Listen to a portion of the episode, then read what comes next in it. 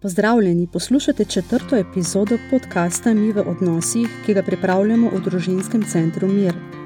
Prispevek o vprašanju, ali se je mogoče izogniti nezvestobi, sem pripravila sestra Polonca Majcenovič.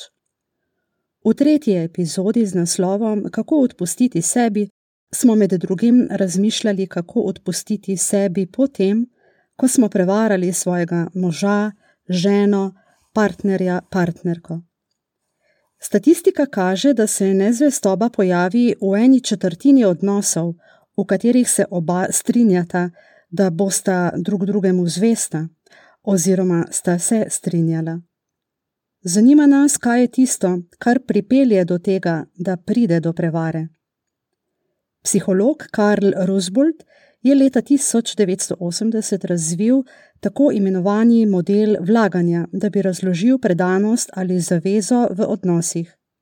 Ta je, po njegovih ugotovitvah, odvisna od treh dejavnikov: kakovosti odnosa, zauzetosti, to je skrb za otroke, socialni položaj, imetje, in kakovosti ter razpoložljivosti privlačnih alternativ. Preletimo nekatera vprašanja, ki so s tem povezana. Kaj bi torej rekli, oziroma kako bi nadaljevali naslednje trditve? Prve trditve so povezane z našimi potrebami.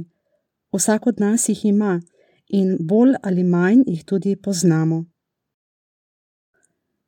Moj partner uresničuje moje potrebe po intimnosti, kar pomeni, da lahko zaupam svoje misli, skrivnosti in drugo. Moj partner uresničuje moje potrebe po druženju, kar pomeni, da skupaj delava različne stvari, da uživava v družbi drug drugega in podobno. Moj partner uresničuje moje seksualne potrebe, kar pomeni tudi držanje za roko, poljubljanje in podobno. Moj partner uresničuje moje potrebe po varnosti, kar pomeni, da čutim zaupanje, da je ugodno v stabilnem odnosu. Moj partner uresničuje moje čustvene potrebe, kar pomeni, da se počutim čustveno navezano, da se počutim dobro, ko se on počuti dobro. Vprašajmo se, ali smo zadovoljni z odnosom. Ali menimo, da je naš odnos boljši od odnosov drugih ljudi? Je naš odnos skoraj idealen? Nas partnerski odnos osrečuje? Posvetimo se še alternativam ali drugim odnosom. Z alternativnimi ali drugimi odnosi mislimo družino, prijatelje, sodelavce. Ali bi lahko, na primer, potrebe, o katerih smo prej razmišljali, uresničevali tudi v drugih odnosih? Potrebe po intimnosti, druženju, seksualne, po varnosti, čustvene. Se nam mogoče celo zdi, da bi lahko ti odnosi nadomestili partnerskega ali v določenih pogledih kar celotnega? Tretja tema je naša zauzetost v odnosu, ali drugače povedano, koliko v odnos vlagamo. Ponovno poskušajmo najti odgovore. Menimo, da smo v odnos vložili veliko časa. Partnerju smo povedali veliko zasebnih stvari o sebi, skrivnosti in podobno. S partnerjem imamo skupno intelektualno življenje, ki bi ga težko zamenjali. Občutek zase je povezan s partnerjem in spomini na najn odnos. S partnerjem imamo veliko skupnih spominov. V odnos smo veliko vložili in vse to bi izgubili, če bi se odnos končal. Veliko vidikov našega življenja je povezanih s partnerjem, in vse to bi izgubili, če bi se s partnerjem razšli. Naši odnosi z družino in prijatelji bi postali zelo zahtevni, če bi se razšli s partnerjem. menimo, da smo veliko vložili v partnerski odnos, če se primerjamo z drugimi.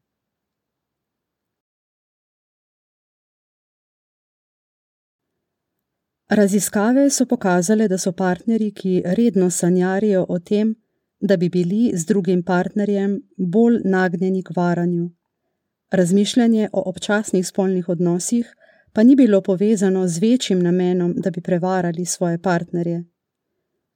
Vse to nam pove, kako močna je potreba po spolni povezanosti z drugo osebo.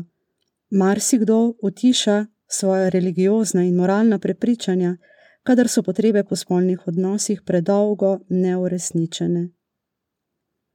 Ali je res, da je lahko varanje samo nedolžna afera? Raziskovalci so ugotovili, da to ne drži. 495 oseb je odgovarjalo na vprašanje, zakaj ste to storili?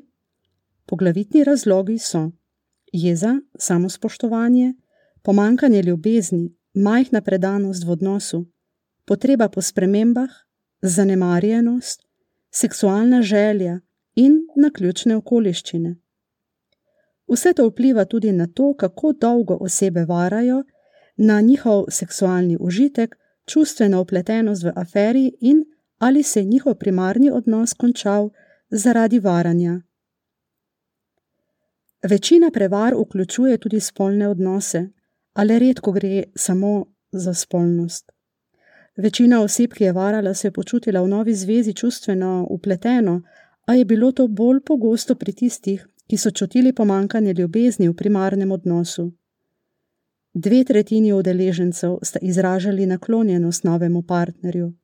Podobno število se je upletlo v predvsem seksualni odnos. Manj kot 40% je imelo intimne pogovore, medtem ko jih je 11% novemu partnerju reklo: Ljubim te. Kadar je bila nezvestoba povezana s pomankanjem ljubezni, je nova izkušnja prinesla več intelektualnega in čustvenega zadovoljstva. Vprašanje, ki vznemirja, je, ali je afera res ubijalec odnosa. Zelo je pomemben razlog za varanje, celo bolj kot samo dejanje varanja. Do razhoda je prišlo bolj verjetno takrat, kadar so bili razlogi jeza, pomankanje ljubezni, nizka pripadnost ali zanemarjanje. Manj verjetnosti za razhod je pri nezvestobi zaradi naključnih okoliščin mogoče preseneča, ampak le 20% odnosov se je končalo zaradi prevare. Enako število parov je ostalo skupaj, čeprav so partnerji izvedeli za prevaro. Nekoliko več jih je ostalo skupaj, ne da bi partnerji vedeli. Zanimivo bi bilo poiskati odgovore na vprašanje, kako je prevara vplivala na kvaliteto odnosa. Glede na izkušnje v pogovorih ostaja veliko zamer, očitkov, preverjanj, nezaupanja. Če bi povzeli, bi lahko rekli, da veliko ranjenosti, ki potrebuje sočutno okrevanje. Omenili smo religiozna in moralna prepričanja, kako je v katoliškem zakonu. Vsaka nezvestoba ni združljiva zakonsko obljubo in je ne moremo na noben način opravičiti ali zracionalizirati. Zakon je svet in naša telesa so sveta. Nezvestoba ni nekaj, kar se kar zgodi kot strela z jasnega, tudi če gre za tako imenovano slučajno nezvestobo. Pomembno je, da se zavedamo svojih meja in dogajanja v zakonskem odnosu. Vsak odnos je krhek in zahteva veliko osebnega truda in prizadevanja, da se razvija. Kadar smo strti, poiščimo pomoč v pogovoru z zakoncem v zakramentu spovedi in drugih zakramentih, v terapiji. Do nezvestobe pride običajno, kadar se od zakonca odtujimo, in na to je treba biti pozoren. Kako, na primer, skrbimo za medsebojno povezanost?